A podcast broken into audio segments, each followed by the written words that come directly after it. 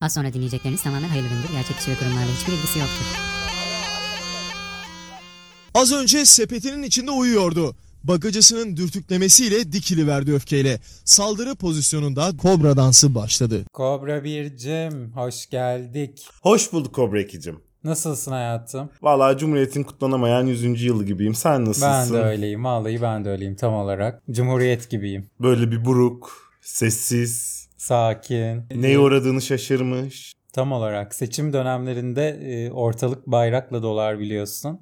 AK Partisi, CHP'si, MHP'si, İyi Partisi. Bir tane bayrak yok sokakta. Aynen öyle. Böyle bir bu tabiri İlber Ortaylı kullandığı için bence kullanmakta sakınca yok. İşgal altındaymışız gibi bir havada geçiyor Cumhuriyet Bayramımız. Kaldı ki Nazi işgalinde Paris'te daha coşkuyla kutlanmış bayramlar olmuş vakti zamanında yani. Nazi işgali altındayken bile. Türkiye biraz daha tabii e, biliyorsun Filistin'de Müslüman kardeşlerimiz can çekişirken biz burada onlara böyle sizin cumhuriyetiniz yok ama bizim var diye nispet yapar gibi tabii bayram kutlayamayız değil mi? Haklı olarak. Yine de e, Cumhuriyetimizi kutlayalım tabii ki. Kutlayacağız. Biz bu arada bu bölümde inanılmaz büyük bir coşkuyla işte Cumhuriyet neymiş, demokrasi neymiş onları biraz konuşacağız. Haberlerimizi bunun üzerinden okuyacağız. Hayatında evine bayrak asmamışıysa 3 tane bayrak astım cama bugün. Ama 100. yıl asılır. 100. yıl ya. Ben 75. yılı hatırlıyorum. Küçücük çocuktum hatırlıyorum. Hatta fotoğrafım bile elimde bir 75. yıl bayrağıyla en önde yürürken. Benim yaşadığım şehirde o zaman herhalde 36 bin nüfuslu falandı benim yaşadığım ilçe. Herkes sokaktaydı diyebilirim yani o akşam bir fener alayı. Hayatımda ilk defa ben havai fişek gördüm. Ya yani o yıllarda havai fişek gösterisi hiç küçücük bir kasabada olmayacak ya. Havai fişek gösterileri, konserler, hayalimin almadığı bir coşku vardı. 100. yıl böyle bir... Şimdi 100. yılda neler yapıldığını da geleceğiz. E, sosyal medya hesaplarımızı hatırlatalım. Hemen e, girelim gündeme. Twitter'ımız CobraPod, Instagram'ımız Cobra Cobra Podcast. Hepsinden önemlisi e, Sayın Cumhurbaşkanımız emeklilere beşer bin ikramiye verdi ama biz henüz daha çalışmadığımız için bile emekli olmamıza çok var. Bir böyle bir 100. yıl ikramiyesi bir kobraları da bir Kreasus'a girip bir kobra kobra yazıp şöyle bir 100. yılda 100 dolar mesela gibi bir kampanyada yap, yapsın bu yavru kobralarımız bize yani. Kesinlikle hak ediyoruz. Sonuna kadar. Son bölümlerimiz muhteşem ki bu bölümde muhteşem bir sürprizimiz var. İlerleyen dakikalarda bir konuğumuz var. Hadi hadi. Hadi. Hadi gündem. Şimdi madem 100. yılı açtık ben e, birazcık da böyle şey yapmak istiyorum. Bu kavramlar çünkü Türkiye'de işte hükümet, devlet bilmem ne karıştırılıyor diye çok şikayet ediyoruz ya. Aslında cumhuriyetle demokrasi de birbiriyle çok karıştırılan kavramlar Türkiye'de. Onları biraz tanımlamak lazım. Önce demokrasiyi tanımlarsak aslında demokrasi Latince kökenli bir kelime ve demos ve kratos kelimelerinden oluşuyor. Doğrudan çevirirsek halkın iktidarı demek. Yani temelinde halkın isteği, arzusu ve işte onun getirdiği bir meşruiyet var. Cumhuriyet ise republika, republika veya işte cumhur kelimesi de işte public kelimesi de halk halk için olan, halkla ilgili olan demek ve meşruiyetinde ve temelinde daha çok rasyonelite, işte Mustafa Kemal Atatürk'ün de söylediği gibi muasır medeniyetlerin geldiği seviye gibi aslında temelleri olan bir kavram. İkisini şöyle ayırmak mesela örnek vererek ayıracak olursak Mustafa Kemal Atatürk Cumhuriyeti ilan ederken hiç demokratik bir tavırda yapmamıştır bunu. Evet. Demokrasi işlememiştir orada veya hilafeti kaldırırken. Düşünebiliyor musun o gün hilafet kaldırılsın mı diye bir referandum yapıldığını? Demokrasi eğer halkın iradesi ise mevzu bahis referandumun sonucu kim bilir neler çıkardı. İşte o Platon da hep bahseder demokrasi de bir demagog çıkar ve Aa, çok artık böyle konuşacağım her şeyin içine eder diye. İşte bunu engelleyen şeydir cumhuriyet. Tam olarak. Aslında. Demokrasinin fren mekanizması güçler ayrılığı demektir cumhuriyet. Rasyonelite demektir. Yani halka tırnak içinde bunu söylemek gerekir. Halka rağmen onun ihtiyaçlarını karşılamaktır. Halka rağmen onun geleceğini düşünmektir. Cumhuriyet biraz daha böyle bir görevi olan bir şeydir. 2016'dan beri biraz buruk kaldı diyebilir miyiz Cumhuriyetimiz? İleri Cumhuriyet oldu 2016'dan bugüne. Cumhuriyette 2016'da tıpkı adalet gibi, hukuk gibi, demokrasi gibi, ekonomi gibi İleri. İlerledi gitti biz böyle memleketçi arkasından bakıyoruz yani Cumhuriyet'in. El sallıyoruz. Cumhuriyet 100 yaşına geldi ama biz sanki bir 95-96'da kalmış gibiyiz sanki. Yine de e, bütün bunlara rağmen kutlanıyor tabii ki ülkemizde Cumhuriyet. Cumhuriyet Bayramı'nda da yapılacak etkinlikler açıklanmış. Ee, ben 29 Ekim gecesi saat 9'da Caddebostan'da Livaneli konserindeyim. 23'te Maltepe Meydanı'nda Livaneli konserindeyim. Herkesi bütün yavru kobralarımızı bekliyorum. Yani 9'da Livaneli ile bineceğiz birlikte Maltepe'ye geçeceğiz yani. Oh ne güzel Livaneli'ye doyacaksın. Doyacağım. E, 29 Ekim'de böyle aydın sanatçılarla kutlanır hayatım. Her önüne gelen de dinlenmez o gece yani. Yani o kimler kimler çıkıyor bu arada. Tam listeyi e, Twitter'dan edinebilirler. E, Ama, büyükşehir e, belediyeleri özellikle CHP'li belediyeler bu konuda e, coşkuyu ayakta tutmak ve yükseltmek için aslında ellerinden geleni yapıyorlar. Ama tabii ki e, AK Parti'de hükümetimiz de Cumhuriyeti kutlamak için ellerinden ne geliyorsa yapmışlar. Örneğin Taksim Meydanı İstiklal Caddesi girişinde bir Türkiye yüzyılı resmi logosundan esinlenilerek hazırlanan Türkiye Yüzyılı enstalasyonu ve 100. yıl içerikleri dev ekrandan seyircilerle buluşacakmış. Bir de Sayın Cumhurbaşkanımıza özel Üsküdar sahilinde Recep Tayyip Erdoğan özel sergisi açılacakmış ve e, Sayın Cumhurbaşkanımızın hayallerini gerçekleştirmenin mutluluğunu yaşadığı alt metniyle birlikte 20 yılda ne projeler, ne hayaller gerçek oldu. Bizzat bunu görecekmişiz oraya gidince. Şimdi aslında 20 yılda ne hayaller gerçek olduğu görmek için ta buradan kalkıp Üsküdar'a gitmeye gerek yok. Gel köşedeki markete girelim. Tabii bu arada. Ya da işte öbür köşedeki fırına gidelim. Veya bir cuma günü gel senle bir camide bir vaaz dinleyelim yani. Tam olarak. 20 yılda ne hayaller gerçekleşti? Bizzat deneyimle. Üsküdar'a kadar gitmene hiç gerek yok bunun Yani için. evin içindeyken bile deneyimliyorsun zaten Sayın Cumhurbaşkanımızın 20 yılda nasıl hayallerini gerçekleştirdiğini. Kalkıp kahve yaparken, televizyon açınca, sonra çıkmak istiyorsun dışarı, kapıdan dışarıya adımını atar atmaz. Evde ışığı yakarken, söndürürken, kombiyi açarken, suyu kapatırken, kettle'ın olarak. tuşuna basarken bile. Tam olarak. İşte Sayın görüyorsun. Cumhurbaşkanımız Ne kadar kudretli. Evet. Aynen. Yani öyle bir filtre vardı biliyorsun böyle arkadan sarılıyor Sayın Cumhurbaşkanımız Evet, Instagram'da yasaklan evet falan. Hakikaten öyle yaşıyormuş gibi. Cumhurbaşkanımız sanki hep bize sarılıyormuş. Bizi şefkatiyle böyle kanatlarının altına alıyormuş gibi dedim. Kettle'ı basarken Sezon bile. finalimizde söyledik ya büyük baba gibi evin hep içinde e, saygı gösterdiğimiz bir büyük baba gibi. Ve dahi burada. korktuğumuz, çekindiğimiz her Tabii. zaman. Başka neler olacak mı? İstanbul Boğazı'nda büyük bir drone gösterisi yapılacakmış. Oh Oh Galata Kulesi, Efes Antik Kent, Kapadokya gibi tarihi mekanlarda yine özel gösteriler ve 100. yıl marşının yayımlanması mevzu bahismiş. Fakat bu 100. yıl marşı meselesi de benim için çok büyük soru işareti. Kimin hangi marş? var mı ortada bir 100. yıl marşı resmi olarak devletin bestelediği şey? Abi yok, Yok Tarkan'ın var herhalde. Norm Ender yapmış, Fazıl Say yapmış. Kıraç da tabii eksik kalmamış. Demet Akalın'dan da bekliyoruz. Kıraç'tan sonra tabii. Tabii. Artık demek ki oralardayız. Kenan Doğulu da bu arada 10. yıl marşından beri e, okuduğumdan beri ben bu marşı düşünüyorum ediyorum diye hatta açıklaması var. Bayağıdır hazırlanıyorum diye. O da çok güzel bir şey ortaya koymuş. Ben Tarkan'ınkini dinleyemedim o gözlerimde oldu. Ben çok duygulanıyorum. Ya yaşlı şeyler gibi oldum. Böyle seküler teyzeler gibi oldum. Böyle Atatürk posteri görüp Sen gözlerim doluyor yani. bahçesindeki deli teyze gibisin. Evet evet yapıyorsun. gözleri mavi şimşek falan gibi. O direkt o moda giriyorum bilmiyorum yani çok acayip. Bakırköy Özgürlük Meydanı'nda Ankara 15 Temmuz Kızılay Milli İrade Meydanı. Bu gerçekmiş yani. E, herhalde arada. dalga mı geçeceğim seninle? Gerçekmiş insan? inanamadım böyle Evet. hani basın bülteni zannedersem bu gönderdikleri. Ee, onun içine de böyle yazmışlar Öyle. ve e, haber sitelerinde de böyle geçmiş. Mecbur. Ben Adı onun o şokunu çünkü yaşadım yani. evet. 15 Temmuz Kızılay Milli İrade Meydanı. Öyle. İnanılmaz. İzmir'de yine Konak Meydanı'nda e, anıtsal görünümlü monolitler kurulacakmış. Cumhuriyet'in 100. yılına özel videolar, görsel içerikler ve dijital alanlarda vatandaşlarla buluşacakmış. Fakat işte bu değil mesele. Vatandaşa bir şey izletmek, göstermek, dijitalde yapmak falan değil. Temas. Vatandaşın dahil olması lazım bu olaya. İşte fenerini alıp sokağa çıkması, fener alayı yapması lazım. Bir ne bileyim çocuğunun bir gösterisini izlemesi lazım. O coşkuyu şey çocuklarda da yok. Bilmi farkında değiller ne olduğunun yani. Biz hatırlamıyor musun 29 Ekimlerde Neler? ne coşkulu gece uyku uyuyamazdım ben sonraki gün gösteri yapacağız diye heyecandan yani. Biz çağımız da öyle oldu. İşte Zoom. Zoom'dan şey Fener alayını da öyle yapalım. E birer çakmak elimize. Zoom'da buluşalım Fener alayı yapalım milletçe. Yeni proje. E zaten Kılıçdaroğlu için de çok uygun. Kılıçdaroğlu pasifizmi, kısalığı ve yumuşaklığı için muhteşem bir proje. Ben yazayım genel başkanı bunu. lütfen. Yani Zoom'dan Fener alayı. Herkes Lütfen. çakmağını alıp Zoom'a gelsin 29 Ekim gecesi. Harika. Mükemmel olur. Ee, İlber Ortaylı da senin gibi sitem etmiş bu duruma tabii haklı olarak. Halkımız Cumhuriyet'in getirdiklerinin, kazançlarının farkında değil. Atatürk'ün hayali nedir? Burası nasıl bir coğrafyadır? Etrafındaki şartlar nasıldır? Bunlar üzerinde bir düşünme yok. Sorgulamadan, farkında olmadan yaşayıp gidiyoruz. Bu durum hem seçmene hem de seçilene sorumsuzluk getiriyor. Diye bir eleştiri getirmiş. 100. yılında böyle kutlama olmaz. Kimse kusura bakmasın Türkiye Cumhuriyeti'ne saygı göstermiyorsunuz. diye de devam etmiş. Umarım 150. yılda başka bir tablo ortaya çıkar diye de niyetlerde bulunmuş. E, 125 olur, 150 olur, olur. Bunları da inşallah biz de görürüz yani. 101 de olur yani. Her şey olur. Tabii. Öyle bir 101. yıl kutlarsın ki dersin ki evet. Oh, budur dersin. Budur dersin ya. İliklerinde hissedersin. Hissedersin, hissedersin.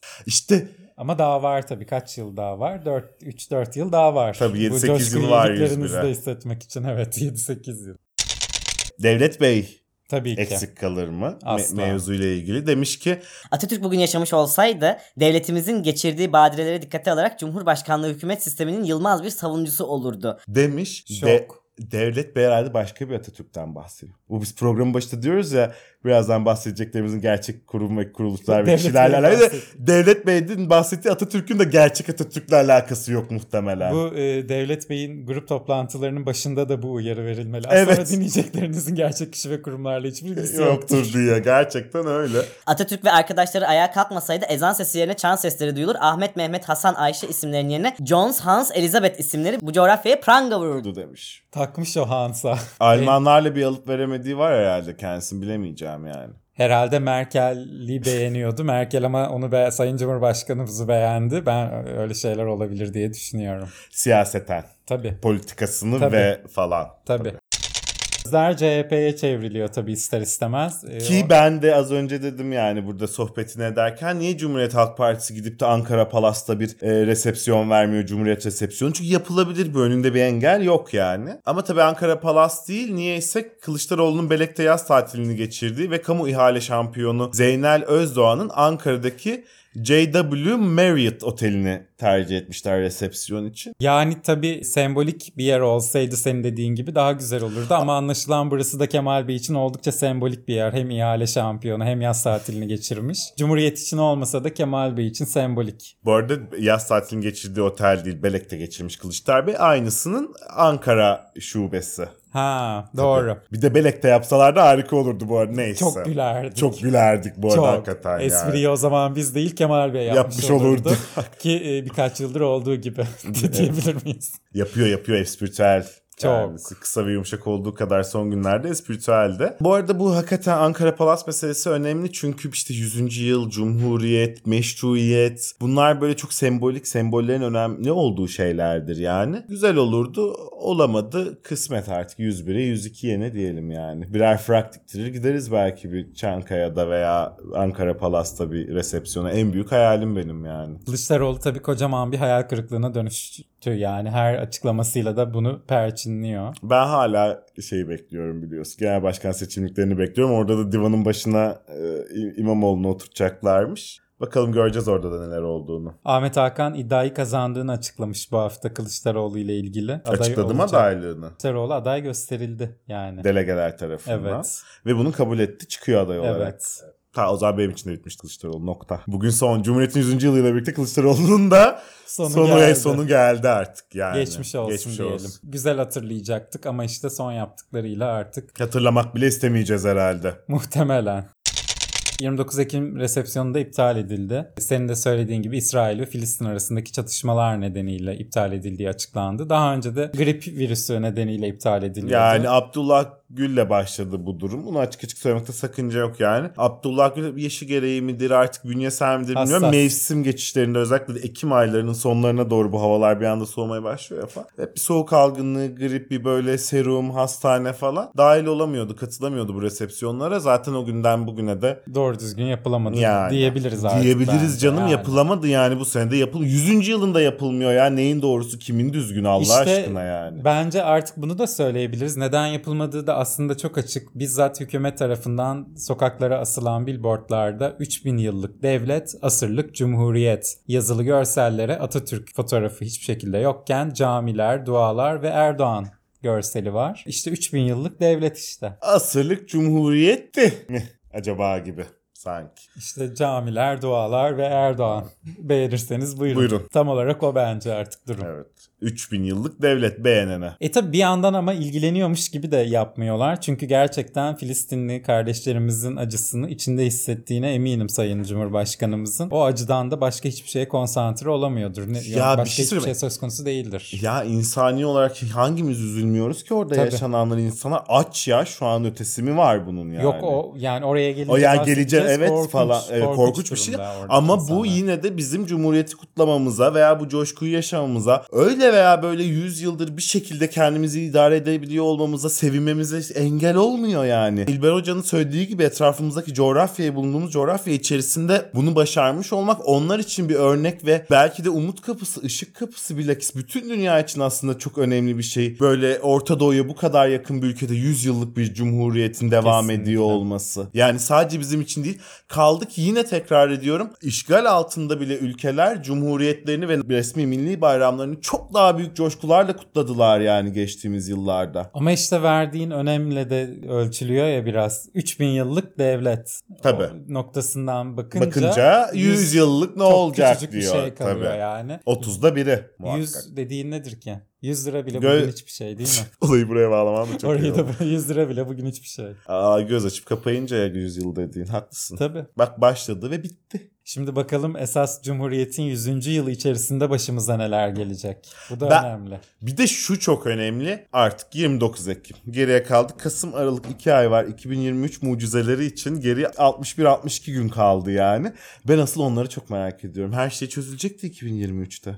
Evet. Değil mi? Ben asıl o son 2 ay ne olacak ve nasıl çözülecek 2023 bitmeden onu çok merak ediyorum. 26 Temmuz'dan bugüne Lozan'ın da 100 yılı doldu. Hadi Lozan da kalktı. Bakalım neler olacak Bakalım bu ne iki olacak ayda. yani. Bu Bakalım. iki ay çok kritik. Çok kritik. Çünkü hep 2023'tü vaat bugüne kadar. Evet. Bitmek üzere yani. Hiçbir şey görmedik daha.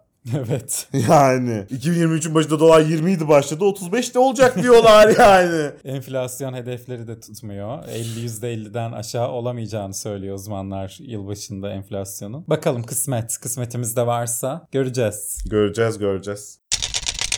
Gündemin en önemli meselelerinden birisi bence. Bence de. Aydın Efeler ilçesinde bulunan Kredi Yurtlar Kurumu Genel Müdürlüğü'ne bağlı KYK Güzelhisar Kız Öğrenci Yurdu'nda bir asansör cinayeti gerçekleşti. Bir ihmal cinayeti gerçekleşti. Bunu böyle söylemekte hiçbir sakınca yok. Çünkü yani mukandı değeri olan bir şey ihmal sebebiyle kişinin ölümüne sebebiyet vermek diye. Ve olaya da baktığımızda denetçi firma uyarıyor. Müdür bakanlığa diyor ki bu asansöre bir bakım yapılması gerekiyor. Müdürlük, yurt müdürlüğü. Öğrenciler CİMER'e Ö- kadar yazmışlar. Ve neredeyse her gün onlarca öğrenci CİMER'e kadar şikayet ediliyor. Ama göz göre göre 16 kişinin bindiği asansör düşüyor ve Zeren Ertaş'ın hayatını kaybetmesiyle sonuçlanıyor bu cinayet. Kaza demek istemiyorum gerçekten. E, gözaltına alınmışlar zaten asansör firması da denetçi firmada. E, hepsi gözaltına alınmışlar. Ama tabii alınsalar ne yazar bu saatten sonra bir noktada da tabii ki alınacaklar da. Korkunç iddialar dönüyor. 4 kişi olduğuna yönelik iddialar da. 4 kişinin hayatını kaybettiğini ama bunun bir şekilde daha geç haberdar olacağımıza dair iddialar da Bilemeyiz. Bilemeyiz onu. Tabii bu böyle bir mesele yaşandıktan sonra ister istemez bölgedeki Herkes diğer yurtlardan öğrenciler sokağa döküldü.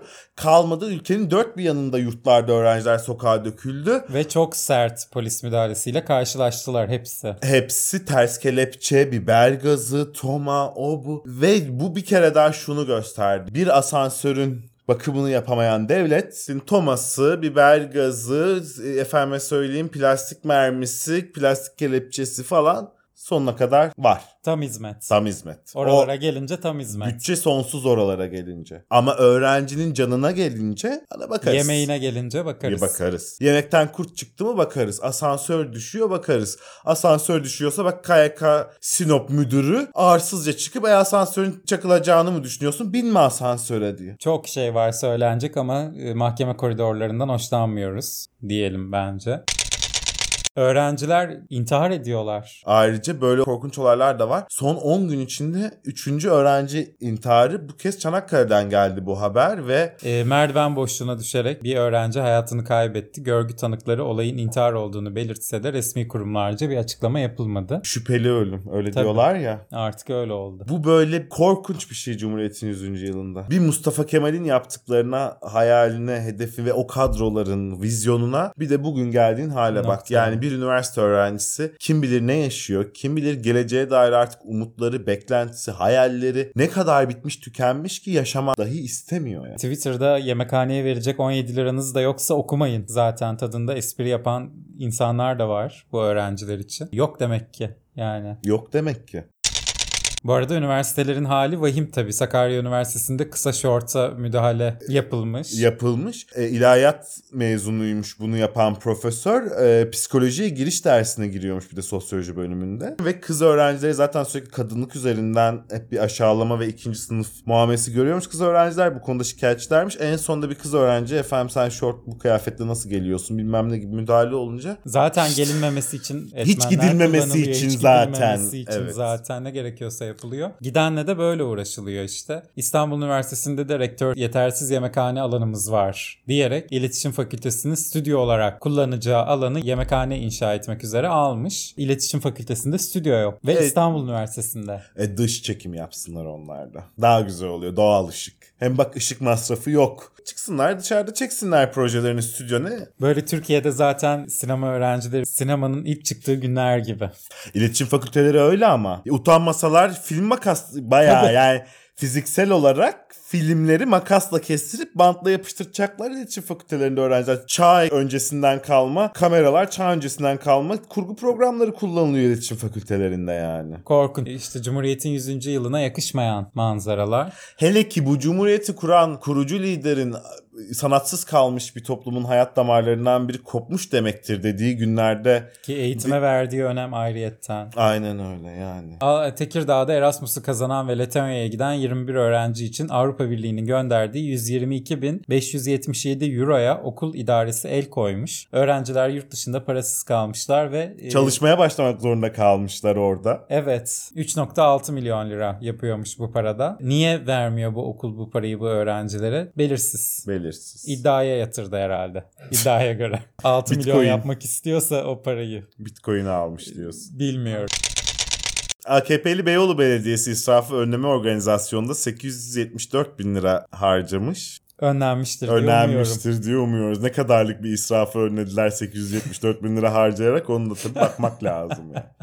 Ama işte bu şey. Dedik ya işte ekonomi de ileri ekonomi gitti matematik de gitti yani. Gitti gitti artık. O böyle kar zarar işte ne bileyim böyle bir oran orantı falan. Yok öyle bir şey yani. Bütçemizde de biliyorsun e, bizzat açıklanan resmi rakamlara göre nereden geldiği belli olmayan kaynaklar olarak 26 milyar dolar bir para çıkmış. Devletimizin cebine girmiş 26 milyar dolar ama nereden, nereden- çıkıp girdiğini bilmiyoruz. Aynen öyle. Olsun. Boş verin yatın üstüne bozdurup bozdurup harcayalım. Hata noksan payı deniyor bir de buna. Yani 26 milyar dolarlık bir... Bir hata. Aynen. Benim banka hesabımda bu en fazla 26 lirayla falan olabilir. Benim banka hesabımda hiç olmadı bugüne kadar. Benim de. Keşke olsa bir 26 lira yatırsalar da sevinsem yani. Sen boş versene. Ha bir de böyle bir şey yaşasan şikayetçi olur musun? Boş ver kır götüne otur aşağı yani. 26 milyon dolar fazla çıkmış hesabında. Boş ver nereden geldi sana ne? Ya devlet de aynısını yapıyor. Bana ne Yani diyor? İsraf Önleme Komisyonu'na 874 bin TL harcıyor. Ne 1000 dolar falan herhalde. diye sen. 1000 Sen de matematik gitti. ne 2000 olsun yani ne olacak? Seni mi kıracağım diyorsun. Haklısın. Çok varsa bir noktadan sonra ne, ne kadar nereye harcandığı hiç önemli olmuyor. Şimdi tabii bağlamak gibi olmasın ama e, Kapıkule'den bir haber var. Evet. Kapıkule sınır kapısında Türkiye'ye giriş yapan diplomatik bir araçta 54 kilo kokain ele geçirilmiş. Araçtaki iki kişi de tutuklanmış. Yine bu haberle bağlantılı olarak bugün gerçekleşen bir haber. Mersin limanına da e, gelen gemiden tonlarca kokain çıkmış. Nereden geliyordu, kime geliyordu hepsi gözaltına alınmışlar ama bakalım ne olacak yani. 54 kilo da bir şey değil ya tonların yanında. Tabii. Muhtemelen Kişisel kiminse bu kullanım. evet kişisel belli ki kişisel bir alışveriş yani diplomatik araç kime kayıtlıysa ona bir bakmak lazım yani. Bilemeyeceğiz. Biz de tabii ilgilendirmez yani konuyla ilgili. Yeni İçişleri Bakanımız düşünsün. O da çok düşünüyor. Çok. Çok. Her gece bir çete baskınında. Türkiye'de bu kadar çok çete nasıl oldu tabii. Ben de onu düşünüyorum kara kara ama çok da düşünmemem gerektiğini hemen Hemen. anlıyorum. Olsun diyorum. Her gece en azından bir çete çökertiliyor. Bakalım kaç yıl sürecek. Hazır düşmemek demişken istersen Diyanet İşleri Başkanlığı'na geçelim. Tabii bu şey anlamında değil yani. İçişleri çünkü inanmak temelliye düşünmek değil. O yüzden böyle söyledim. Yanlış anlaşılmasın lütfen. E, hiç biz zaten asla yanlış anlamazlar biliyorsun. Kalbimiz bir. Kalbimizin ekmeğini yiyoruz şükür. Değil mi? Evet Ali Bey ile kalbimiz bir. Ali Erbaş'la ikimiz de kalbimize ekmeğini yiyoruz. Onun Ka- kalbinin ekmeği fırında harca bizimki bir somun. bir lokma yani. Olsun. Olsun bak Kıraç'tan bahsettik 100. yıl. Bir lokma ekmeğe bir bakır bileziğe biz öyle. Tam olarak. Ama Ali Bey tabii ki bakır bilezikte kalmamış. Gene kılıcını almış ve Ayasofya'da minbere çıkmış. Cuma hutbesinde 29 Ekim kutlanmış ancak Atatürk'ten de bahsedilmemiş. Temel değindiği konuda genelde Filistin meselesi olmuş. A Haber muhabiri de herhalde kendisine özenmiş. Benzer bir pozu Gazze'de savaş bölgesinden. Bir elinde kılıç, bir elinde böyle başka bir kesici alet. Bir Çeşit şey. balta gördüm onu ben. Çok enteresan bir poz ve bir şuursuzluk açıkçası. İşte yani. o şey izleyen kadro. Diriç Ertuğrul. Ertuğrul izleyen kadro. O işte Beyefendi televizyon evde de karşısında tutuyor onu. O onun için öyle bir şey. İçinde re- real life Westworld'da gibi o işte yani. Evde nasıl Kuruluş Ertuğrul izlerken onu tut- tutuyorsa oradaki savaşı izlerken de tutuyor. Yani illa tutacak sert ve kalın bir şey yani. O baltanın sapını tutacak. tutacak. Tutmadan olmuyor. Başka türlü güçlü hissetmiyor kendini çünkü. O öyle bir şey tutacaksın yani. Cumhuriyet'in 100. yılında ekonomi de gümbür gümbür tabii. Gerçekten gümbür gümbür. Gümbür Bombalar gümbür. patlıyor yani. Ekonomide tabii. Havai fişekle saldırılmış gibi ekonomi. Hakikaten havai fişekler patlıyor ekonominin içinde yani.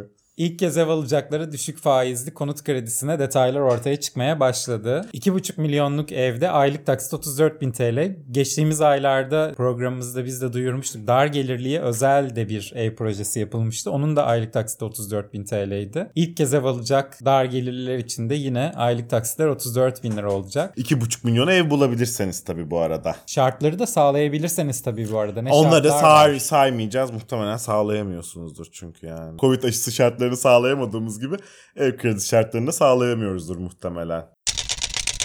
Şimdi istersen birazcık da adaletten haber verelim. Bu hafta önemli kararlar çıktı. Bunlardan birincisi HKG davasıydı ve konuyla ilgili çok önemli bir konuğumuz var aramızda. Ee, İstanbul Barosu Kadın Hakları Merkezi Yürütme Kurulu üyesi Esma arkadaşımız aramızda ve bize e, HKG davası ile ilgili bizzat takip ettiği HKG davası ile ilgili kendi sorumlulukları çerçevesinde e, deneyimlerini paylaşacak bizle. Hoş geldin Esma'cığım. Hoş buldum. Merhabalar herkese. Nasıl geçti bu dava süreci? Önce istersen onunla bir başlayalım. Sen nasıl dahil oldun? Neler yaşandı orada? Şöyle başlayalım. HKG 2020 yılında şikayette bulunan 6 yaşından itibaren tarikat çatısı altında istismara maruz kaldığını beyan eden bir kadın. Bu kadının şikayeti ardından tabi bu arada hemen dava açılmıyor. Biraz bu süreçten de bahsetmek isterim. 2020'de yapılan şikayet sonrasında 2 yıl boyunca soruşturma sürüyor aslında. Daha sonra hepimizin bildiği gazeteci Timur Soykan'ın aslında bunu haberleştirmesi ve basına yansıtması ardından basındaki tepkilerle soruşturma biraz selameti daha neticeleniyor. Şahıslar tutuklanıyor. O süreç boyunca tutuksuz yargılanıyorlardı. Tutuksuz bir soruşturma yürütülüyordu ve bir türlü iddianame hazırlanıp dava açılamamıştı. 2022 yılında, 2022 Kasım'ında bu haber ardından, Timur Soykan'ın haberinin ardından tabii ki STK'lar, barolar ve çeşitli kurumların baskıları neticesinde artık iddianame hazırlandı e, ve dava sürecine başlanıldı aslında. Bu haftada bir karar çıktı. Evet. Ne ne çıktı kararda peki? 10 ay süren yargılama sonucunda sanıklardan eski eş K.I. hakkında 30 yıl hapis cezası, babası HKG'nin babası olan şahıs hakkında 20 yıl hapis cezası, annesi olan şahıs hakkında da 16 yıl 8 ay hapis cezası ile cezalandırılmasına karar verildi. Tabii bunlar inşallah yatarlar. Bunları hastalar diye, yaşlılar diye, bilmem ne diye iki sene sonra çıkartılmazlar Ya- diye umut ediyorum ben en azından kendi adıma. Tabii infaz yasalarımız tabii bu bambaşka bir konu. Bunun tartışması belki çok daha uzun sürer. Ee, ama e, atılı suçun gerektirdiği ağırlık gereği infazı da daha farklı. Aslında dörtte üçünü yatacaklar. Tabii ki bu daha e, ilk derece yargılaması neticesiydi. Bunun istinafı olacak, bunun yargıtayı olacak. Mutlaka avukatlar çünkü e, öyle bir mücadele verdiler ki sanık avukatları. Yani çok e, skandal açıklamaları var Evet avukatların. evet. Yani eminim ki zaten bunu Yargıtay'a belki Anayasa Mahkemesi'ne kadar götürecekleri bir süreç. Belki bu 3 yılı bulabilecek bir süreç.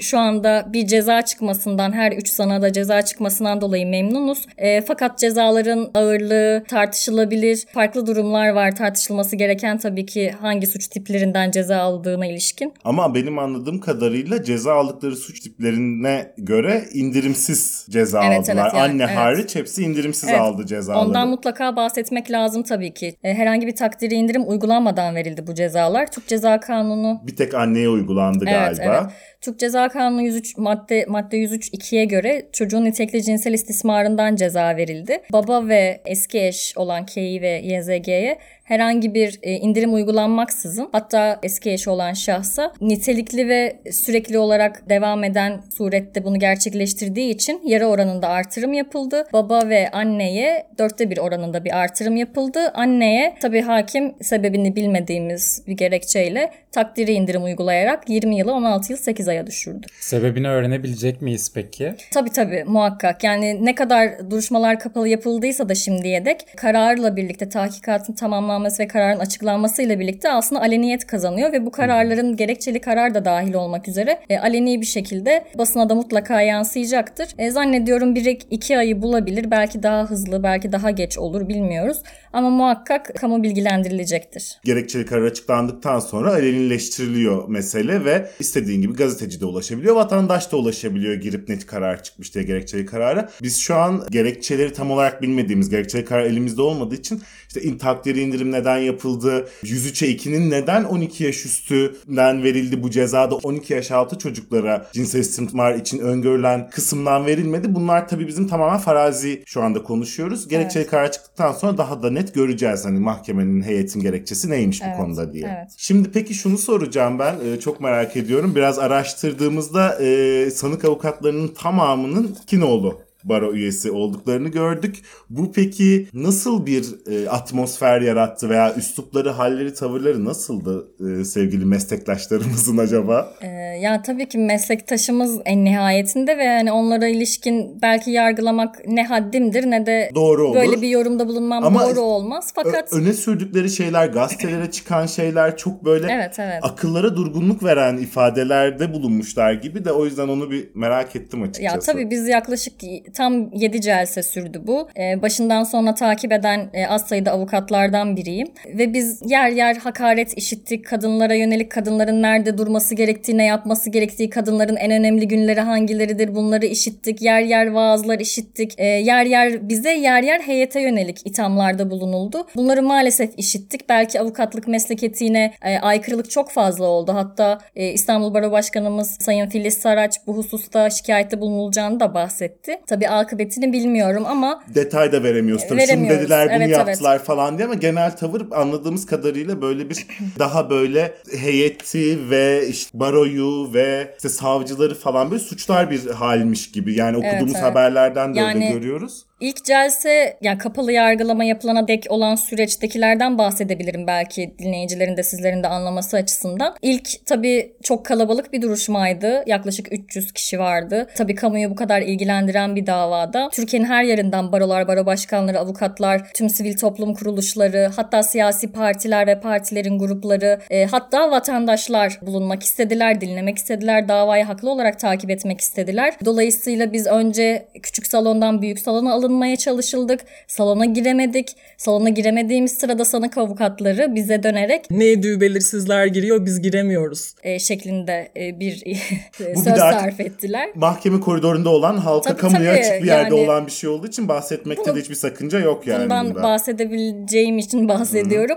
Hani siz varın siz anlayın celselerde olan daha detaylı olan hususlarda neler söylendiğini. Bir de gizli kalacağının güveninde var ya orada. Yani hani gerçekten çok ilginç şeyler işitebiliyor insan. Yani bizim bu kadar zaten kapalı yapılmasın, aleni yapılsın, kamu bilgilendirilsin dememizdeki amaç bu. Kamu neden bilgilendirilmesin ki böyle bir konuda? Bu kadar e, Türkiye'de kökleşmiş tarikatlar, vakıflar, e, dini kendine tekel almış, idol almış ve bu İslam hukuku çerçevesinde yaşayan insanların e, aslında bu süreç boyunca işledikleri suçlar, yaptıkları kadınları, çocukları kendi tekerlerine almaları, belki onları sadece bir kuluçka makinesi olarak görmeleri, bir haklarının olmadığını düşünmeleri e, tüm toplum artık tabii ki bu tüm toplumu ilgilendiren bir husustur. Dolayısıyla insanlar da haklı olarak takip etmek, sonucunu görmek istiyorlar. Bu sebeple aleni olması çok önemliydi. Fakat tabii ki ilk celse itibariyle kapalı yapılmasına karar verildi genel ahlak gereği.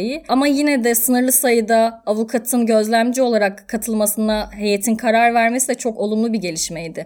Yani kapalı duruşmaya çünkü taraf ve taraf avukatları dışında kimse giremez ve basın hiçbir şekilde haberdar olamaz. Ancak Türkiye Barolar Birliği'nin ve geçtiğimiz dönemki Baro Başkan Yardımcısı Sibel Su İçmez'in çok büyük e, katkısı var bu hususta heyetle görüşerek. Sınırlı sayıda avukatın e, alınmasına heyet onay verdiği için biz takip edebildik aslında. Belki biz takip edemesek böyle cezaları da görebilir miydik? Bilmiyorum açıkçası. Tabii. T24'ün yaptığı bir habere göre avukatın, ailenin avukatının skandal açıklamaları var. E, Bunları tabii ki sana sormuyorum. Sadece yavru kobralarımız bilgilensin diye söylemek istiyorum. Doğrulatmaya çalışmıyoruz. O doğru olmaz zaten ama Aynen. T24'ün haberidir Ee, ve duyuralım ne yap ne demişler. Bütün tuşlara basmış. Kendisi anne babalarımız da zaten 14-15 yaşında evlenmedi mi? Aile kızlarını LGBT gruplar ve sol tandanslı kişilerin elinde olmasından dolayı çok şikayetçi. gibi e, ipe sapa gelmez diyeceğim ben. Açıklamalarda bulunmuş kendisi. Çok rahatsızlar çünkü en başından itibaren HKG çok iyi bir şekilde korundu. Burada belki bakanlık avukatlarına da teşekkür etmek lazım. Soruşturmanın en başından itibaren HKG şikayette bulunduğu andan itibaren gerekli bütün koruma tedbirleri alındı. Kimlik bilgileri, adres bilgileri değiştirildi, kuruma yerleştirildi, e, çocuğunun güvenliği sağlandı ve tabii ki ikinci istismarı travmaya tetiklememesi açısından da e, yeniden yeniden ifadesi hiçbir zaman alınmadı. Daha sonra biz duruşmalarda hiç görmedik. Tabii sanık avukatlarının da en büyük şikayeti buydu. Neden gelmiyorlar, neden yüzleşemiyoruz, neden burada söylemiyor vesaire vesaire. İşte LGBT grupların elinde Evet. olduğu için gelemiyor. Evet yani e, bunu iddia ediyorlar çünkü e, Zorla tutulduğunu falan herhalde bir çeşit yani, yani. kastettikleri belki hani mor çatı e, vesaire biliyorsunuz sivil Aha. toplum. Çünkü bazen ya bunu anlatmak lazım. Şimdi burada belki devletin de bir eksikliği yok. E, bazen kurumlarımızın yetersiz sayıda olabiliyor, koşulları iyi olmayabiliyor. E, burada bazen e, devlet kurumları da belediye yerlerinden destek alıyorlar. Bazen oralara yönlendirme söz konusu olabiliyor. Veya işte Mor Çatı gibi bilmem ne gibi Evet, evet, derneklerden, sosyal Evet. şeylerden, kuruluşlardan destek almak durumunda Yani kalabiliyorlar. onlar da tabii Mor Çatı veya diğer sivil toplum kuruluşlarının bu feminist çizgisinden rahatsız olmuşlar ki e, HKG'nin oralarda beyninin yıkandığından belki kadının, kızlarının artık eski eşinin kendisine karşı doldurulduğundan sıklıkla bahsettiler. T24'ün haberine göre. Zaten bunlar çok şaşırtıcı şeyler değil. Yani bu tarz e, bu tandanslı derneklerden, kuruluşlardan, vakıflardan veya açık açık adını koyarak söylemek daha doğru cemaatlerden özellikle kadın meselesine, özellikle insan hakları meselesine, özellikle çocuk meselesine eğilen dernekleri böyle işte LGBT'cilik, fonculuk, oculuk, buculuk, işte beyin yıkamak, o bu çok duyduğumuz şeyler zaten hani Şaşırtıcı e, şaşırtıcı değil. yani hani bunu duymamışızdır de- demek mümkün olmasa İşte gerek. e, sulandırmak istemiyorum konuyu ama avukatlık da insanın kendine yakışanı giymesi gerçekten bir noktada. Evet. O yüzden ben başka bir şey söylemek istemiyorum kendisi hakkında. Şimdi gerekçeli karar açıklandıktan sonra bence e, bir kez daha konuk alırız Esma'yı ve inceleriz diye düşünüyorum. Bir de yavru kobralarımız o kadar memnunlar ki Esma arkadaşımızdan böyle söyledikleri çok açık, net, takır takır dinliyoruz, anlıyoruz falan vurgusunu, sesinin tonunu diye. E tabi Biz- bizden sonra iyi geldi. Özellikle senin cennetlerinden sonra tabii bayıldılar diyormuşum. Bunlar önemli ve bizzat bu tarz konulara temas etmiş insanların deneyimlerini ve onların Kesinlikle. tabii ki bu konuyu vermesi çok önemli. Biz de mümkün olduğunca böyle e, konuklu bölümler yapmaya çalışıyoruz. Diyelim. Ve sen eklemek istediklerin Evet. varsa. Tabii kapalılıktan dolayı bazı şeylerden bahsetmem mümkün değil ama ben son celse orada olan yaklaşık 30 avukatın yaşadığı atmosferi biraz sizde anlatmak istiyorum. Çünkü gerçekten çok ikonik bir sahne vardı o gün orada. Belki hayatımız boyunca unutmayacağımız bir sahneydi. Şimdi Cumhuriyet'in 100. yılına gelmişken bir laik cumhuriyeti konuşurken e, kadınların hakları Atatürk'ün bize armağan ettiği bu hakları konuşurken şimdi salondaki o atmosferi biraz size e, canlandırmak istiyorum. Heyetimiz 3 hakim bir savcıdan oluşuyor. Heyet başkanı bir kadın hakim. Üye hakimlerden biri başörtülü yine kadın bir hakim. E, ve karşısında sarıklı, e, cübbeli, e, tarikat şeyi kendilerini hoca addeden insanlar ve İslam hukukuna göre kendilerini savunan, e, yer yer vaaz veren fakat karşısında işte Türkiye Cumhuriyeti'nin layık gereklerine uygun bir şekilde yargılama yapan o kadın başkan hakime karşı kendisini savunan e, kişiler. Bu sahne biraz gerçekten belki konuşulması, düşünülmesi gereken bir sahne. Kendilerinin ne kadar yaptıklarının doğru olduklarını düşünseler bile işte gelip orada o mahkeme karşısında, o kadın hakim karşısında el açıp neredeyse yalvarıp kendisinin suçsuzluğunu ispat edecek noktaya geliyorlar ve bu şekilde yargılanıyorlar. Gerçekten ben teşekkür etmek istiyorum. En başından itibaren tabii davayı takip eden benim gibi avukat, baro başkanı meslektaşlarıma, basında bunu haber yapan belki kamuda bu kadar ses getirmesine yardımcı olan Timur Soykan'a çok teşekkür ediyoruz. Yine karar celsesinde de bizi yalnız bırakmadı, oradaydı. Ve tabii ki en büyük teşekkürü ben HKG'ye etmek istiyorum. Bilmiyorum bizi dinler mi, dinlemez mi, bir şekilde ulaşır mı, ulaşamaz mı? Kendisinin o sesine ses olabildiğimiz için çok mutluyum. Çok büyük bir cesaret örneği gösterdi. Çünkü bu tarikatlar belki bazı insanların çok böyle hayaline oturtamadığı bir şekilde yaşayan, bir yaşam sunan tarikatlar. Orada kendisini ifade edebilmek, sosyal yaşantıya kendini katabilmek ve böyle bir istismar ve Bunun bir istismar Girdap- olduğunu farkına Evet, varabilmek bir kere zaten Evet yani. yani, Hani böyle bir e, karanlığın içinde bunun farkına varıp bunu e, yılmadan ikinci kez tekrar şikayette bulunup dile getirebilmesi çok büyük bir cesaret örneği gerçekten. Yani diliyorum e, bizim çabalarımız en azından onun bu acılarını bir nebze olsun dindirebilmiştir. Bu sebeple de tekrardan İstanbul Barosu Kadın Hakları Merkezi'ne belki bu mücadeleyi gösterenlere, sivil toplum kuruluşlarına aynı şekilde teşekkür etmek lazım. Bizler her zaman aynı şekilde kadınlarımızın ve çocuklarımızın bu karanlıklardan çıkabilmesi için seslerini duyuracak yer olmaya devam edeceğiz. Her zaman bu mücadelemizi sürdürmeye devam edeceğiz. belli ki öyle veya böyle Aile Bakanlığı da bu konuda hassas ve çok aslında yapması gerekeni yapıyor. Kesinlikle. O yüzden aslında bu tarz kurumlara ve kuruluşlara da güvenmekte ve e, Tabii işin ki. peşine düşmekte gerekiyor. Kesinlikle. O yüzden belki bu da işte HKG gibi belki bu tarz istismara maruz kalan, o girdapların karanlığın içinde bulunan kadınlara ve çocuklara güç olmuştur diyoruz. O yüzden de çok önemli bir davaydı. Bu çok emsal bir davaydı Türkiye Cumhuriyeti için belki. E, çünkü biliyoruz ki bu tarz tarikatlarda ve cemaatlerde bu tarz istismara ve suçlara maruz kalan daha birçok kadın ve çocuk var. E, diliyoruz tabii ki temennimiz bunların olmaması. Bunun için elimizden gelen çabayı göstermeye devam edeceğiz. Beni ağırladığınız için tekrar sizlere teşekkür ediyorum. Biz sana Her çok zaman, teşekkür sana ederiz. teşekkür yani değer katıyorsun Evet, programımıza. bu çok teşekkür ederim. Dinleyicilerimizin de aynı zamanda Cumhuriyetimizin 100. yılını kutluyorum. Daha güzel haberlerle umarız daha güzel günlerde Cumhuriyetimizi kutladığımız nice yarınlara diyelim. Vallahi çok güzel oldu. Esma'nın ağzına sağlık diyebiliriz. Kendisine de verdiği bilgiler için bir kez daha teşekkür, Teşekkür edelim. Kalktı geldi, hazırlanmış yine sağ olsun. Kendisi bizi 8 Mart bölümümüzde de yalnız bırakmamıştı. Yine yalnız bırakmadı. Çok sağ olsun. Müjdemizdir. Gerekçeli karar açıklanıp dosya e, halkın ve medyanın basının erişimine açıldığında tamamen bu dosya özelinde e, daha derinlemesine, daha geniş, daha detaylı konuştuğumuz bir bölüm yapacağız. Ki bu ve dahi da e, bizzat Esma yazacak. İstanbul Barosu'nun e, basına vermek üzere hazırlayacağı raporu da Esma arkadaşımız hazırlıyor. Bu hazırlandıktan sonra gelip kendisi de detaylarını bizle paylaşacak sağ olsun. Nevşin elimizden kapacak Esma'yı. Kapsın. Kör yani şimdiye kadar görmesi gereken bir isimdi bu arada ve Kesinlikle, çağırsa muhteşem de yapar yani gider takır takır anlatır meselesini. Bu arada yargıdan iyi de bir haber. Anayasa Mahkemesi Can Atalay için hak ihlali kararı vermiş ve bu karar resmi gazetede yayınlanmış. Ama yerel mahkeme konuyla ilgili bakın hala görüşüyor.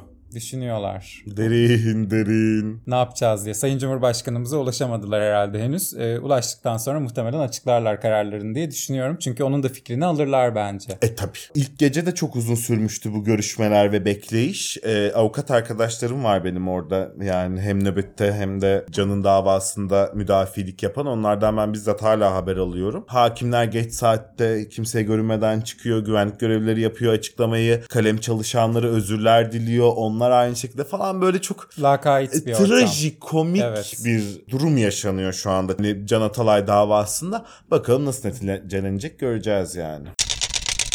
Ee, mahkemeler bu arada çok yoğun. Ee, ülkede de yoğun bir dolandırıcı silsilesi var. park halindeki araçların üzerine İBB ve İspark logolu QR kodlar yapıştırmışlar ve bunu tıkladın mı hemen ödeme sayfasına gidiyorsun. Park cezası ödeme sayfasına. Aynen öyle inanılmaz. Tabii ki İBB ve İspark'ta böyle bir uygulamalarının olmadığını duyurmuşlar. Ama ee, enteresan. duymayanlar Yatıranlar yatırdı yani e, ya yatırmaz kadar. mısın? Yatırırsın. Bir de şey falandır o kesin. Erken ödemede bilmem ne falan da yazıyordur İndirimler, orada. indirimler. Haydi. Tabii. Millet işte neler düşünüyor. Belli ki e, para kazanamayacaklarına inanıyor insanlar ve çeşitli dolandırıcılık yollarına gidiyor.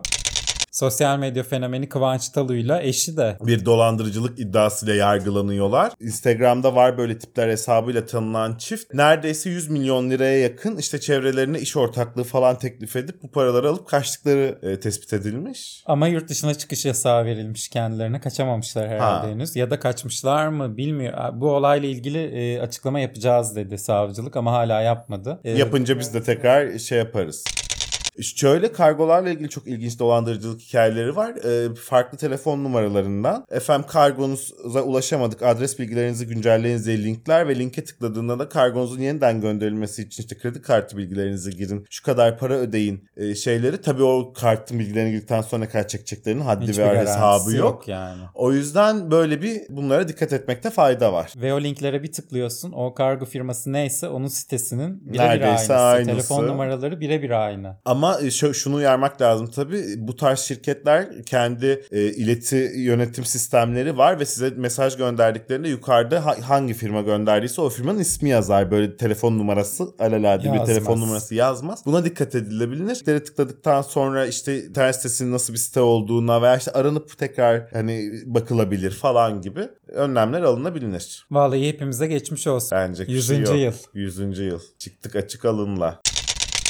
Tabii e, İsrail Filistin'de de Durulmuyor sular. sular. Az önce e, haberi geldi. İsrail Filistin'deki komünikasyon merkezini vurmuş ve korkunç bir operasyon gerçekleştiriyormuş. Hiç kimseden haber alınamıyor. Bu operasyona kadar hayatını kaybedenlerin 7500'ü geçtiği söylendi. Ve zaten bu operasyona kadar alınan haberlerden de devamının nasıl geleceği ve neler olacağı çok açık ve öngörülebilirdi. E, İsrail yani ne yazık ki kendinden bekleneni yapıyor şu anda. Korkunç bir katliam yaşanıyor Gazze'de. Adet. Ve ölenlerin de yarısından çoğu çocuk. Korkunç aileler çocuklarının bedenleri parçalanır da tanıyamazlar diye isimlerini yazıyorlarmış, işaretler koyuyorlarmış çocukların bedenlerine, bileklikler takıyorlarmış falan. İnanılmaz. E, tabii sorumlulardan biri Biden. E, kendisi biz geçen hafta bölüm çekerken ulusa sesleniş yapmış. Görmemişiz. Bölümümüze koyamadık Orta Doğu'da daha iyi bir gelecek inşa etmeye çalışıyoruz. İsrail'i de korumak için elimizden geleni yapacağız. demiş. Ve hakikaten Orta Doğu'da Yeni bir düzen kuruyorlar. kuruyorlar, bir şeyler inşa ediyorlar ve bunu da İsrail'i korumak için ellerinden geleni yaparak yapıyorlar. E tabii Çin de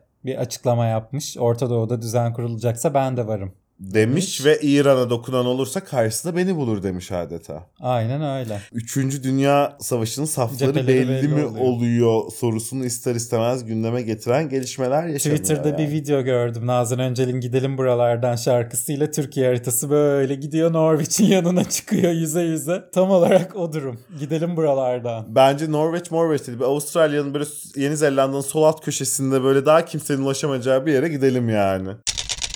Devlet Bahçeli tabii bu konuyla en çok ilgilenen isimlerden biri Ahmet Davutoğlu ile birlikte dert edindiler kendilerine. Eğer bugünden itibaren 24 saat içinde ateşkes sağlanmazsa, saldırılar durmazsa, mazlumların üzerine bombalar bırakılmaya ısrarla devam ederse, milletimle açık açık paylaşıyorum ki Türkiye suretle devreye girmeli, tarihi, insani ve inanç sorumluluğunun gereği her neyse yapılmalıdır. Gazze'yi koruma ve kollama misyonunu üstlenmek bize ecdadımızın mirasıdır. Ve 24 saat müddet vermiş. Sonrasında Biden e, açıklama yaparken basına Acilen gitmem gerekiyormuş. Pardon. deyip gidiyor. Bahçeli de bir sonraki gün grup toplantısında Biden dün gitti gördünüz 24 saatim doldu çünkü dedi ve Biden'ın gidişini kendi açıklamalarına 24 saat mühlet tanımasına bağlamış. Belki o akrabalar birbirlerine haber getirip götürüyor olabilir devlet. Beyle Biden'ın akrabaları arasında bilmiyorum. Özel bir iletişim yöntemi olabilir biz bilemeyiz yani. Yani e, Nevşin Mengü bu haberi verirken gülme krizine girdi. Düşünebiliyor musunuz Amerika'da oh my god 24 saat doldu inanamıyoruz. İnanamıyorum. Devlet Bey'in süresi bitti Biden'ı alın. Bilmem ne böyle bir panik yaşandığını hayal ediyorum da neyse gülmek de istemiyorum vurulmak istemiyorum şu an topuğumdan dedi. Kendisi gerçekten öyle Devlet Bey'e de çok gülünmüyor yani. Yok be gülünüyor. Şimdi de Gazze'ye gitmek istiyor Devlet Bey. Devletim istesin Gazze'deki çocuklara kol kanat germek için yola revan olurum. Füzeye karşı sapanla yola çıkmazsam namerdim. Keşke gerektiği zamanda deprem zamanı mitilini alıp memleketi Osmaniye'ye gitseydi veya or- bir şekilde oradaki çocuklara kol kanat gerseydi de biz de bu Gazze açıklamalarına biraz daha inansaydık. E biz de bu milletten değil miyiz hayatım? Biz istiyoruz. Devlet Bey de istiyorsa buyursun gitsin yani. Ben bizzat arkasındayım. En büyük destekçisi ben olurum. Hemen evden. şimdi burada bir ye şey bulup ağaç bulup ağaç dalı bulup ona işte hastanede şurada bir tane de serum lastiği tamam. Sapan yapar. Sapan veririz yapar eline. veririz eline istediği sapan olsun yani. Ben ona arbelet bile yaparım o istesin yani. Yeter ki biz varımızla yoğumuzla buna seferber oluruz yani. Ben eminim ki devletimiz de ister milletimiz de destek verir sonra referandum yapılsın. Bir Devlet so- Bey Gazze'ye gitsin mi gitmesin mi referandumu yapılsın. Sokak röportajı yapmışlar bu hafta. İşte Gazze'ye gitmek ister misiniz? Orada insanlara destek olmak ister misiniz? Savaşmak ister misiniz? diye. Tabii isterim hemen. Arkadan biri çıkıyor bilgilerinizi alalım diyor Aa, ama ben de işte Aa, ben, ama benim hastam var evde hasta bakıyorum. Fatih Altaylı da isteyen herkesi ben göndereceğim buyurun demiş. biz de Kresus'tan gelen 3 kuruşumuzu sonuna kadar veririz yani hiç problem değil gitsinler bakalım. Bu arada AK Parti 28 Ekim Cumartesi günü Atatürk Havalimanı'nda Büyük Filistin mitingi yapacak. Küçük Cumhuriyet Bayramı mitingi yapılacak 29 Ekim'de de. 28 Ekim'de Büyük Filistin mitingi, 29 Ekim'de Küçük Cumhuriyet mitingi yapılacak. Tam olarak Acıdan. Acıdan. Erdoğan ve Bahçeli'nin yanı sıra Cumhur İttifakı'nın bütün bileşenleri orada olacak. Gelecek Partisi lideri Davutoğlu. Konunun tabii en çok herhalde onun ilgisini çekiyor bu konu. Bahçeli ile telefonda görüşmüş. Kendisi de o mitinge gidecekmiş. Ama Erdoğan... Erdoğan'a ulaşamamış bir türlü randevu talebi üstüne talep, talep üstüne talep fakat Erdoğan ama çok kızgın kendisinden ayrılıp gidenlere biliyorsun. E tabi. Ve e, aklına geldikçe de Anlıyor. lafını esirgemiyor. Ve tabii Sayın Cumhurbaşkanımız son noktayı koymuş. Kendisinden beklenmeyen açıklamalar, dünyayı şoka sokan açıklamalar. Kaldı ki bizi şoka sokan açıklamalar. Çünkü biz bu zamana kadar şaka bir yana çok memnunduk Cumhurbaşkanımızın açıklamalarından ama bu hafta kendisi Ey İsrail çıkışında Sonunda bulundu. geldi. Davutoğlu herhalde evde zevkten dört köşe olmuştur. Ey İsrail, sen bir örgüt olabilirsin. Bu batının sana borcu çok ama Türkiye'nin sana borcu yok. Hamas bir terör örgütü değil. Topraklarını ve ta- vatandaşlarını koruma mücadelesi veren bir kurtuluş mücahitler grubudur. Dedi aslında geçen hafta e, tam olarak işte tarihi kazananlar yazar ve bakış açısı meselesi diye bahsettiğimiz meselede bu evet günün birinde Hamas bu idealini gerçekleştirir ve bir kurucu unsur rolü alabilir yani bu O zaman bir kurtuluş mücahit grubu olabilir. Ve Sayın Cumhurbaşkanımızın ve diğer efendime söyleyeyim işte stratejik derinliği olan bireylerin baktığı yerden evet bu bir kurtuluş ve mücahitlik faaliyetiymiş gibi de görünüyor olabilir yani. Ama tabii e, enteresan bütün dünyanın terörist olarak kabul ettiği bir grup artık Hamas. Biliyorsun şenlik basıp yüzlerce insanı katlettiler. Enteresan. Sayın Cumhurbaşkanımız tabii ki e, İsrail'in saldırılarıyla ilgili de yorumda bulundu. Gazze'ye yönelik saldırılar kendini savunma sınırını çoktan aşmış, açık bir zulme, mezallime, katliama ve barbarlığa dönüşmüştür. Avrupa Birliği Komisyonu dün çıkmış henüz ateşkes çağrısı yapamayız diyor. Daha ne kadar insan ölmesi lazım, çocuk ölmesi lazım, sizin hesabınız ne? diye sordu Sayın Cumhurbaşkanımız. Haklı tabii ki de bu Yani. sorularda da bu açıklamada da haklı yani.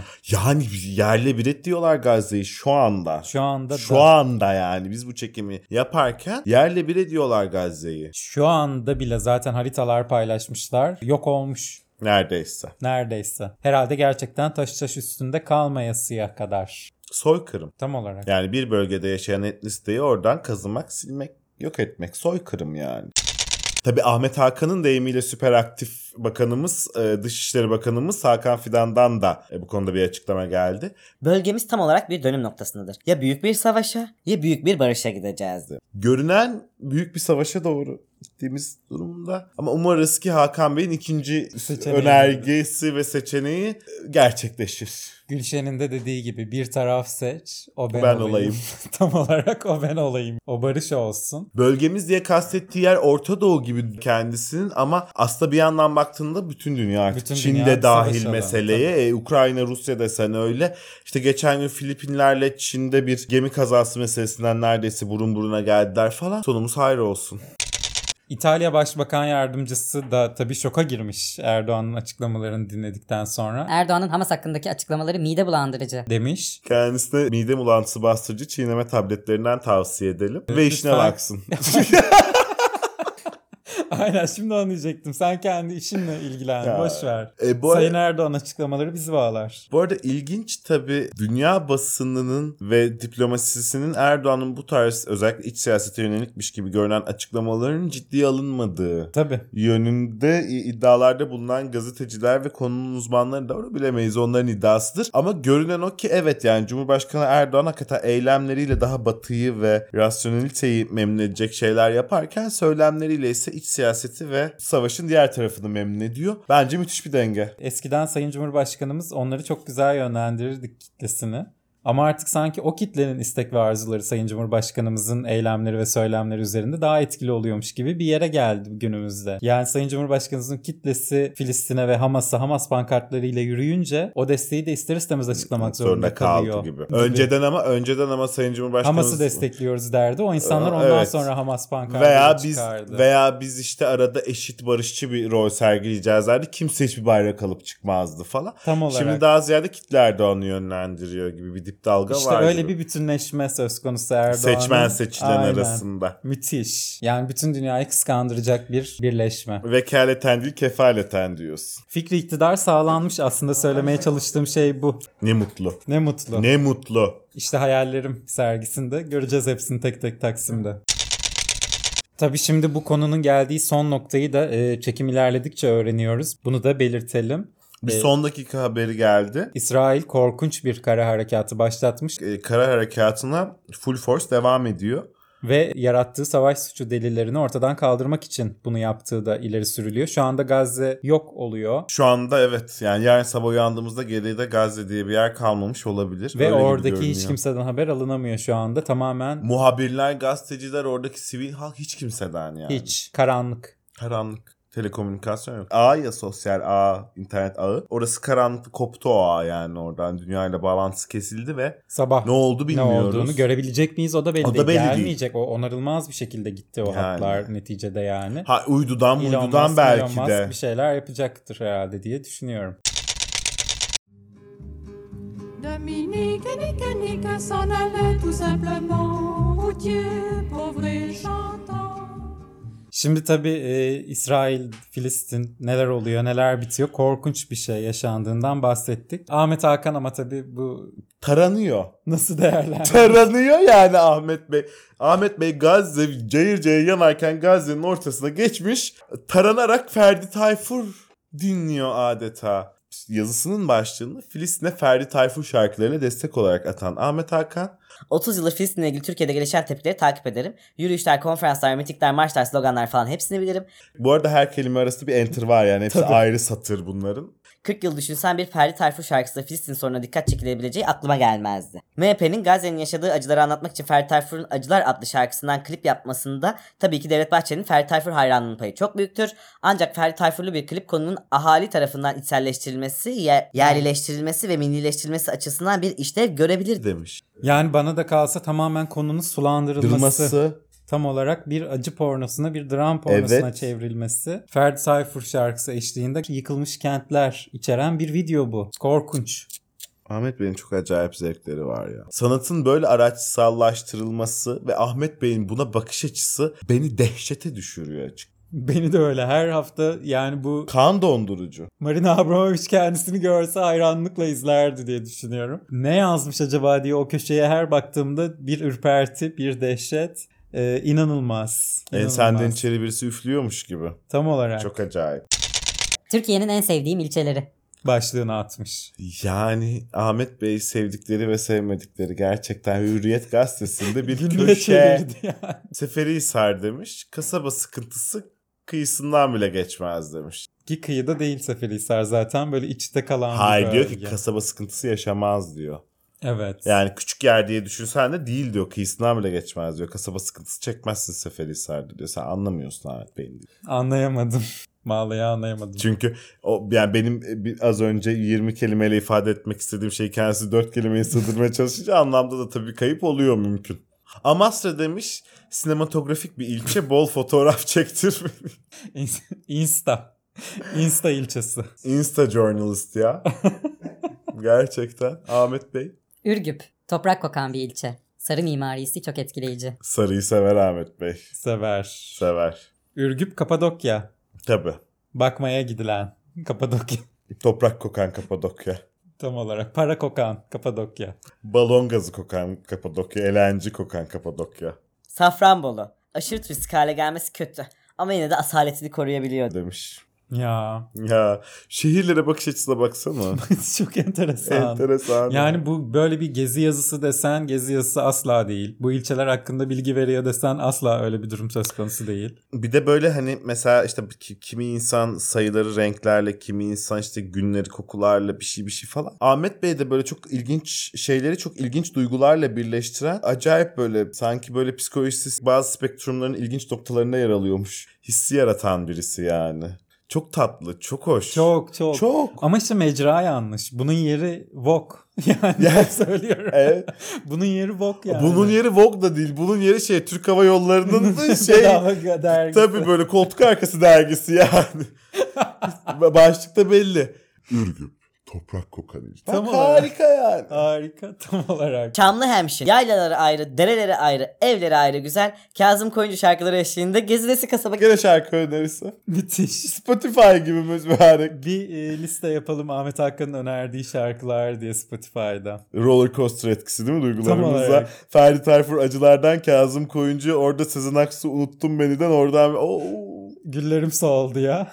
Derin bir e, spektrum Tercihler. diye bir başlık atmış. Kendisi gerçekten tercihlerden bahsetmiş. Londra mı Paris mi? Tabii ki Londra demiş. Paris'te çünkü biliyorsun tahta kurlarından nefret ediyor. Geçen hafta duyurmuştuk. Sosyal medya mı gerçek hayat mı? Azıcık sosyal medya, çokça gerçek hayat. Kik ama kendisi 7-24 Instagram'daymış gibi bir hali de var. Yok kendi gerçekliği o. Gerçek hayat dediği Ahmet Hakan'ın Gerçek realitesindeki hayat. yani.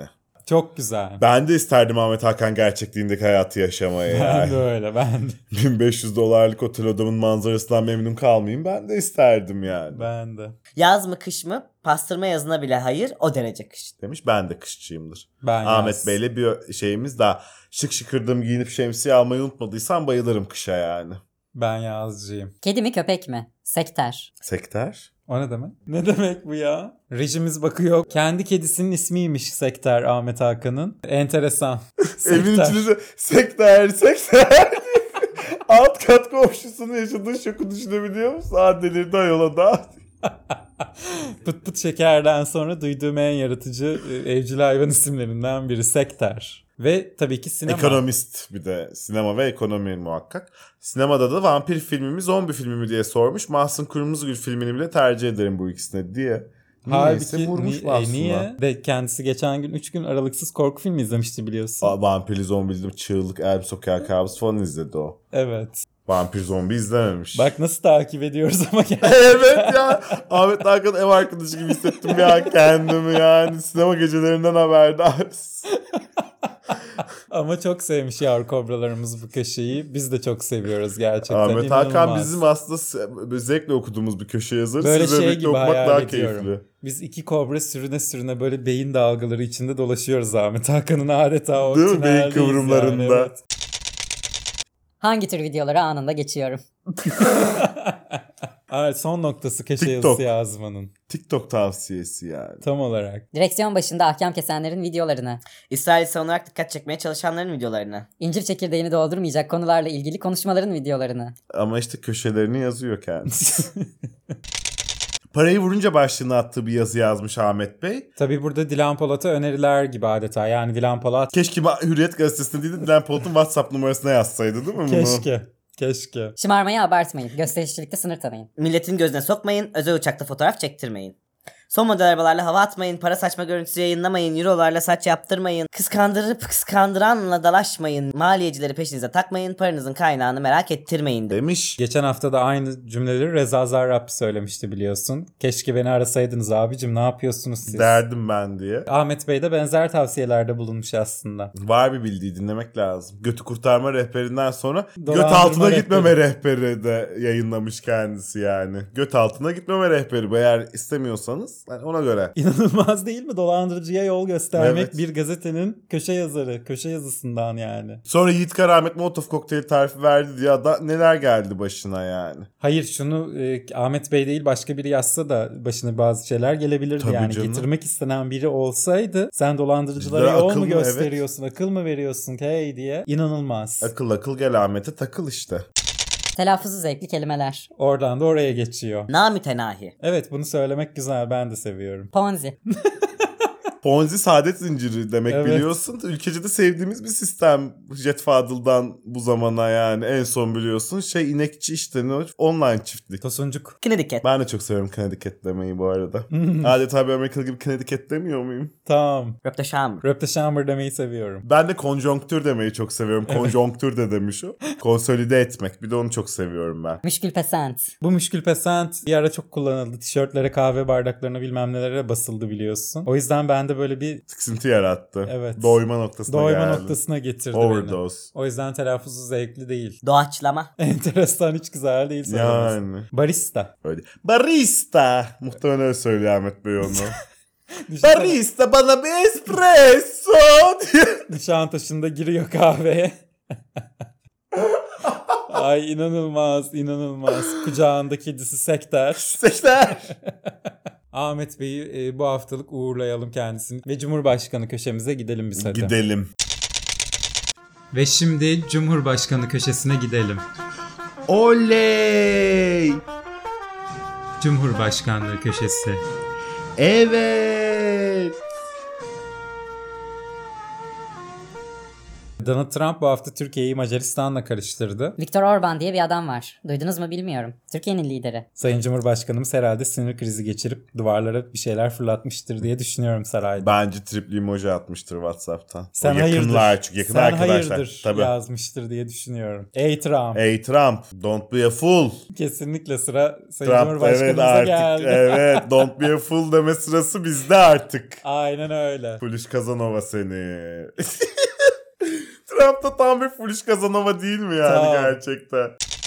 Sayın Cumhurbaşkanımız demiş ki Ömür boyunca çalışıp çabaladıktan sonra hayatının sonbaharını huzurlu geçirmek isteyen her emeklimizin sıkıntısı bizim sıkıntımızdır. aynen öyle. Sayın Cumhurbaşkanımız biraz da karamsar bir ya son, hayatın sonbaharı falan. ya insanlar emekli ol... Gerçi evet. Özellikle son Türkiye'deki getirilen sistemle. emeklilik uygul 65 yaş uygulamasından sonra hakikaten hayatın sonbaharı yani emekliler. Ama hani hayatlarının daha çok baharı olan emeklilerimiz var. Özellikle EYT ile emekli olanların da Tabii 40 oo. yaşında ne emekli dolu ortalık. Tabii 45 canım yaşında. Yani. Onların daha yaşayacak çok baharları var. Onlar da ilkbahar. Yaz bile gelmedi onlara belki. Hadi Ahmet Hakan gibi biz de Sayın Cumhurbaşkanımıza şarkı gönderelim. Bahar geldiğinde mi biz böyle oluruz yoksa böyle olduğumuzda mı gelir bahar bilmiyorum. Veya Sayın Cumhurbaşkanımız böyle olduğunda mı gelir bahar bilmiyorum. Umarım Gerçekten. gelir her türlü bir şekilde gelsin de bahar. Sayın Cumhurbaşkanımız morali iyiyse bahar geliyor memlekete. Geliyor. Geliyor geliyor. Kendisi demiş ki bu hafta Cumhur İttifakı'nda LGBT diye bir anlayış yoktur. Varsın LGBT illet ittifakının malzemesi olsun. Tepe tepe kullansınlar. Ve ardından yeni anayasada özellikle aileyi koruma ve e, LGBT hareketlerinin kısıtlanmasına yönelik maddeler olması gerektiğine dair de çağrıda bulundu bu konuşmasında Sayın Cumhurbaşkanımız. Çok uzun zamandır böyle bu mesele. Zamanlama konusunda biraz manidar tabii işte. Ne zaman böyle bir olmayacak bir şey olsa memlekette hemen LGBT o bu. Yeni düşman. Yeni, Yeni düşman, LGBT'ler yani. seçim gecesi ilan etti zaten düşmanlığını Sayın Cumhurbaşkanımız Ümüklerini LGBT'ye. sıkacağız dedi yani açıkça. Ve e, Elinden seçim- geleni de yapıyor. Anayasal düzeyde yapıyor bir de yani. Boşanma oranları hızla artıyor. Boşuna 3 çocuk demiyoruz. Çünkü bu toplumun özellikle ihtiyacı var. Detayına şu an burada giremem. Ama nüfusumuzun 85 milyon olması yeterli değil. Çok daha fazla nüfusa ihtiyacımız var. Nüfusumuz 85 milyon değil zaten. Turisti, sığınmacısı, kaçak göçmeni, göçek göçmeni bilmem nesi yani. 100 oldu neredeyse. Neredeyse. 100. yılda 100 100 milyon. milyon. Ki e, doğum oranları da tarihin en düşük seviyesinde Türkiye Cumhuriyeti'nin biliyorsun. 100 yılın en düşük seviyesine inmiş durumda. Onunla E, herhalde beklentiler, gelecekten umut, o çocuğa Ekonomi. bir şey yani çok alakası var bu tarz Tabii. meselelerle. Bu çocuğu do- tam yapacaksın da Nasıl doyuracaksın? bakacaksın yani o da var. Sayın Cumhurbaşkanımız bu hafta tabii ki ekonomiyle ilgili çok önemli olaylara imza atıp Türkmenistan'la 13 ayrı işbirliği anlaşması imzaladı. Türkmenistan da çok enteresan bir yer biliyorsun. Evet. e, Dark Ee, Tourist bölümünü Netflix'in izlemeyenlere tavsiye edelim merak edenler. Türkmenistan- Mermer ülke. Mermer ülke. Ve başında bir diktatör var biliyorsun. E, artık bütün dünyanın diktatörü olarak kabul ettiği, kendisinin de bundan Biz, et, çekinmediği. biz etmiyor olabiliriz o yüzden şimdi öyle demeyelim de gene de. O zaman biz otokrat diyelim. Onu daha çok seviyor dünya. otokrat demeyi. Başında da otokrat bir lider var. Otel odalarına kadar, sokaklara kadar her yerin dinlendiği, izlendiği, hiç kimsenin sokağa çıkamadığı bir ülke. Enteresan ne işbirliği yaptık bilmiyorum. Ama birbirlerine köpek hediye etmiş Sayın Cumhurbaşkanımız ve heyetin başı. Evet. Köpeği de mermer kaplamaya kalkmaz diye umuyorum. E, Köpeğin de bir yerinden dinleme cihazı çıkmaz inşallah diye umuyorum ben asıl. Bu arada.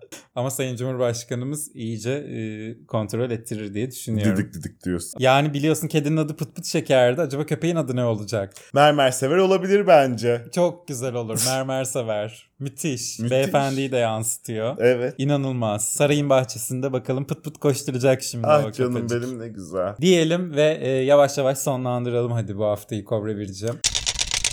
Cumhuriyetimizin 100. yılı tekrar tekrar tekrar kutlu olsun. Şimdi programı kapatırken aldığımız son dakikaları da bir geçelim istersen. Korkunç hale gelmiş İsrail'in saldırıları. Starlink'in Filistin'e açılması, erişime açılması konusu trend topik oldu şu anda Twitter'da. Elon Musk'a ulaşılmaya çalışılıyor tırım tırım. İsrail'in bu saldırısının neticesinde İran'ın ne yapacağı, İran'da biz de geliyoruz diyebilir. Korkunç bir savaşa uyanabiliriz yarın. Rusya Kerson'a girmiş yine saldırıyormuş şu dakikalar itibariyle. Fırsattan istifade o da boş buldu. Valla bilmiyorum Gazze'de bu yaşananlardan sonra içinde 29 Ekim'de bir şey hiçbir şey kalmayabilir. Yani o alternatifler bile yapılmasına izin verilmeyebilir. Sayın Cumhurbaşkanımızın hayallerim sergisi bile açılmayabilir, yani. Açılmayabilir yani. Korkunç tabii. Korkunç. Ne ne diyeceğini bilemiyor insan. Ya insanlık ve dünya adına çok korkunç. Yine de ama yani Cumhuriyetimizin 100. yılını biz coşkuyla... O bambaşka bir mevzu çünkü. Anlatabiliyor muyum? Apayrı bir şey. Yani ne bir nispet ne bir yerin. Ya o böyle hakikaten o acıyı duyuyor mu? Korkunç duymak E tabii, insan olmaman lazım imkansız. yani. Yani anlatabiliyor muyum? O acıyı duyarken bir yandan da 100 yıllık bir cumhuriyette yaşıyor olmanın gururunu da yaşıyorum. Mutluluğunu da yaşıyorum. Bu ikisi birbiriyle çelişmiyor, çakışmıyorlar. Birbirleriyle ayrı noktada, ayrı düzlemdeler hatta yani. Çok alakasız mevzular birbirleriyle. Tam olarak. O yüzden Cumhuriyetimizin 100. yılını kutluyoruz. Ve sizleri kocaman öpüyoruz. Haftaya, Haftaya- umarız daha iyi haberlerle, barış haberleriyle, mutluluk ve kutluluk haberleriyle görüşürüz Haftaya diyoruz. bölüm yapmıyoruz demek ki bu. Haftaya şey gibi Cüneyt Özdemir Şeyma Subaşı okuyup sessiz sessiz dolaşmıştı ya öyle sessiz bir bölüm yayınlayacağız herhalde biz de haftaya. 40 dakikalık bir sessizlik. Herkesi çok öpüyoruz. Haftaya görüşmek dileğiyle diyelim. İşleri bitince sakinleşiyorlar. Sonra yeniden sepete. Neyse ki buna razılar. Aksi halde yılanların öcü durumu ortaya çıkardı.